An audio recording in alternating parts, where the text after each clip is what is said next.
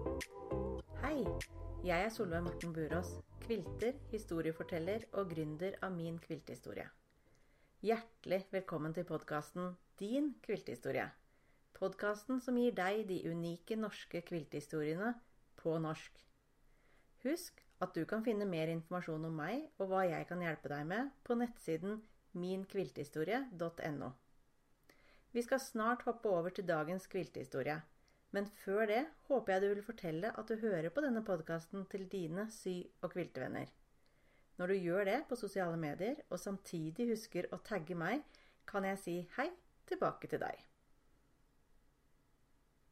Hva heter du, og hvem er du?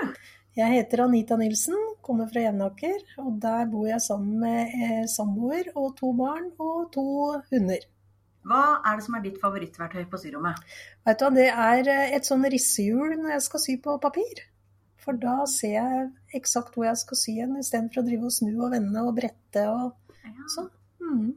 Hva er det du har tatt med deg fra syrommet i dag? Vet du hva, jeg har tatt med meg et eh, teppe som medlemmer i Ringerike kvilteklubb sydde til eh, årsmøtet for NKF eh, som var på Sundvolden det siste året. Og det skal vi se på lappen her. Nå huska jeg ikke helt eh, hvilket eh, årstall det var engang. Det var i eh, 2019. Ja. Eh, og det er det er alt, alt er applikert for hånd. Det er sånn oransje pil, er det det det heter? Appelsinbåter. Appelsinboter, ja. I, og så er det bare japanske stoff. Det er håndkvilta. Ja.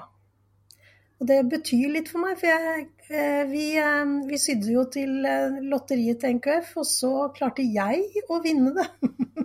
og jeg har sydd en del av blokkene, som, så jeg syns det var kjempegøy. Og det teppet det betyr litt fordi at det er så mange gode syvenninner som har sydd på det, da. Mm, Mm, det skjønner jeg. Og dere hadde sydd det til utlodninga mm. på årsmøtetreffet? Ja, fordi at vi hadde på en måte ansvaret for heller sånn samarbeidende kviltelag. Ja, ikke sant. Hva var det som gjorde at dere valgte å, å sy akkurat det eh, mønsteret, eller det teppet? Vi hadde en sånn en, eh, litt sånn brainstorming, og så var det ei som kom med, kom med forslag om at vi skulle sy over eh, papir eh, eller papp, da. Sånn at alle hadde mulighet til å, å sy, for det er jo ikke alle som liker å sy på symaskin. Nei. Men de fleste i laget her, da, de liker å sy for hånd. Men hvis du skulle ha tenkt på en trådsnelleskala fra 1 til 5, hvor stor syglede tror du at eh, laget hadde underveis i den prosessen? Og den eh, var eh, på topp. Ja. Fordi at vi fikk egentlig ikke nok blokker å sy, for det er ganske rask å sy. Sånn at vi ville egentlig sy mer Ja. når vi var ferdig med de blokkene vi fikk utdelt. Da. Og dette er jo et mønster som er litt sånn generelt, som man setter sammen. Så det er ikke noen spesiell designer Nei. på det her. Hvor lang tid brukte dere på å sy det, tror du? Nei, vi brukte vel kanskje et halvt år eller et eller annet sånn fra vi fikk eh, oppdraget til eh, det var ferdig, da. Ja. Mm. Mhm. Jeg må jo bare si at det er eh, Inge Loshagen som har håndkvilta det til slutt, da. Hun er helt rå på, rå på det. Ja, for det ser jeg at det er håndkvilta. Og til dere som hører, vi skal ta bilde av dere, så dere får se bildet på bloggen. For det, det har dere sydd på, på, over papir på, på hånd. Mm. Og så er det mm, sydd sammen med maskin. Ja. Og håndkvilta. Ja. Og så sa du at dere hadde brukt japanske stoffer. Ja. Og så ser det ut for meg som at alle fikk utdelt ett og samme bakgrunnsstoff. Ja, det stemmer. Men så er det jo forskjellige farver og valurer. Jeg tror faktisk det er eh, stort sett bare forskjellige stoffer i hver eneste appelsinbåt, da. Ja. Mm. Mm. Veit du hva slags type vatt dere har brukt? Vet du, her står det faktisk silkevatt, så det er jo så deilig. Og her var det ikke noe spesialutstyr. Her var det nål og tråd og håndsøm. Ja. Og det, de papirmalene, da. Ja. Og så sa du at det var håndkvilta av Inge Marie Loshagen. Ikke sant?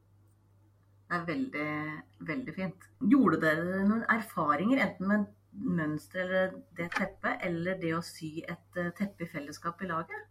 Ja, altså vi, eh, vi så jo etter hvert at vi kanskje sydde litt forskjellig og sånn, men, men det fant vi ut at det er jo bare sjarmerende at det er litt forskjellige Altså alle syr jo ikke likt. Nei. Og det viser jo at det er flere som har, eh, har tatt i det. Ja. Er det noe du vil trekke fram som du er ekstra fornøyd med, eller som du husker at laget var ekstra fornøyd med? Nei, altså det er jo Teppet er jo bare kjempefint, så du må egentlig bare se det sjøl. Hmm. Er det noe du tenker at dere skulle ha gjort annerledes i et sånt gruppeprosjekt?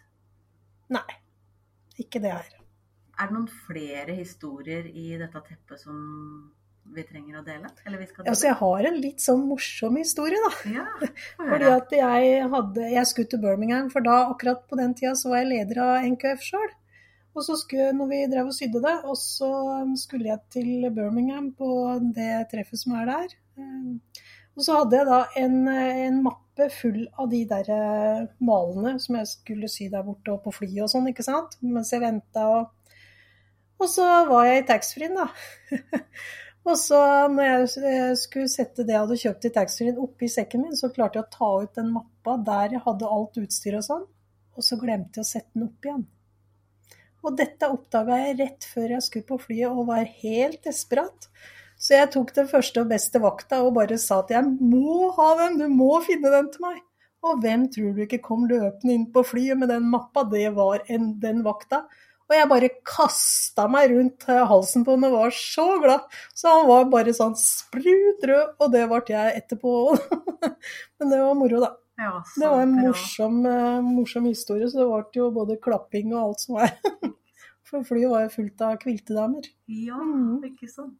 Ja, det, det gjør han litt ekstra jobben sin, han gjorde litt ekstra jobben sin han den dagen. Da. Ja, så Så jeg måtte ha vært skikkelig desperat når jeg ba om den der mappa. Og dette prosjektet her, det har dere laga merkelapp på. Ja, det har vi. Og hvor dere har eh, satt på en stor lapp.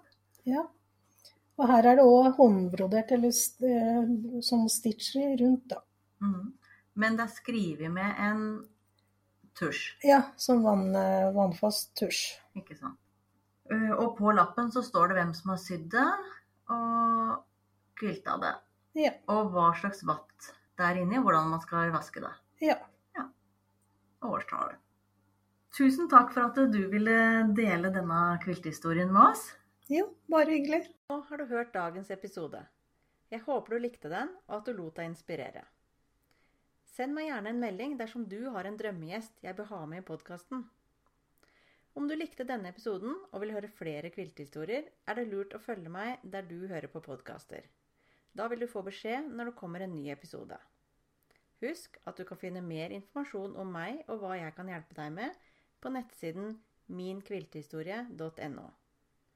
På nettsiden finner du også informasjon og lenker fra denne og tidligere episoder av podkasten. Følg meg gjerne på Facebook. Der finner du meg under Min kviltehistorie. Eller på Instagram, der du finner meg under My Quilt Journal. Ønsker deg en fin dag videre. Vi snakkes!